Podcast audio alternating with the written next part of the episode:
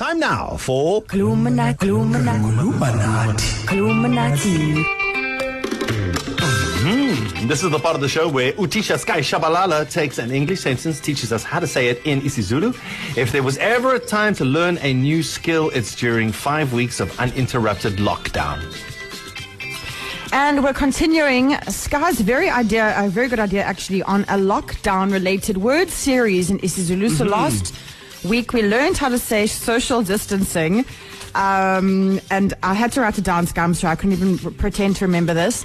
Um, Yeah. and then the so-called higher grade option was ukuziqelelanisa nomphakathi.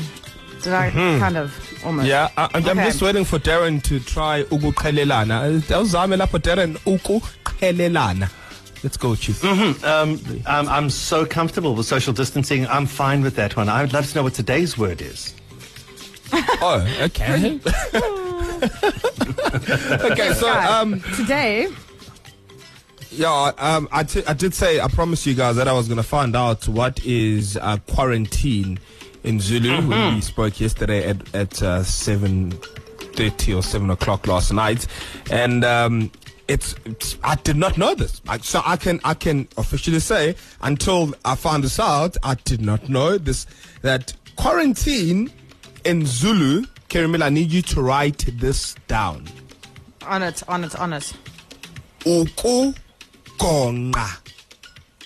ukugonqa hmm angithi we have a And end to the directly translated, does it actually mean quarantine or is there a quarantine Ah, yeah it's an interesting one. So according to the uh, KZN uh, art and culture department what what this is what they are using for quarantine. Ukugonqa Okay. so if they're telling someone uh, uh, to tell if they tell someone listen go quarantine hamba uyogonqa but the actual word is ukugonqa okay so U K uh, U G O N Q A.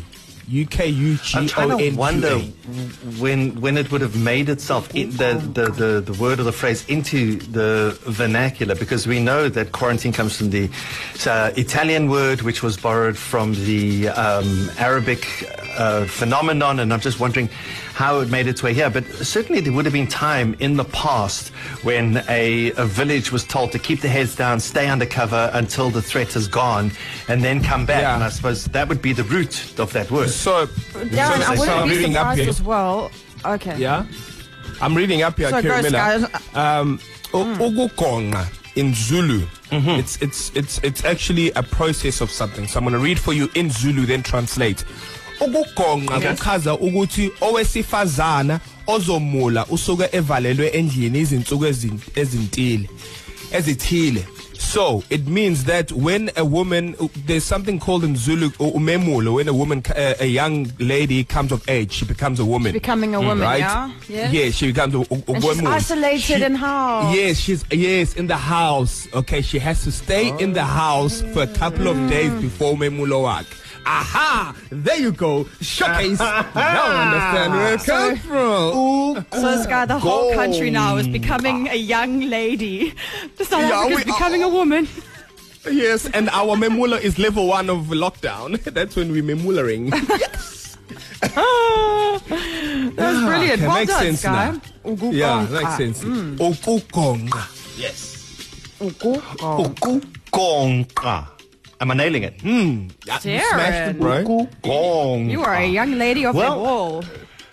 Uh, yeah, that's I've been told. I feel pretty, oh so pretty.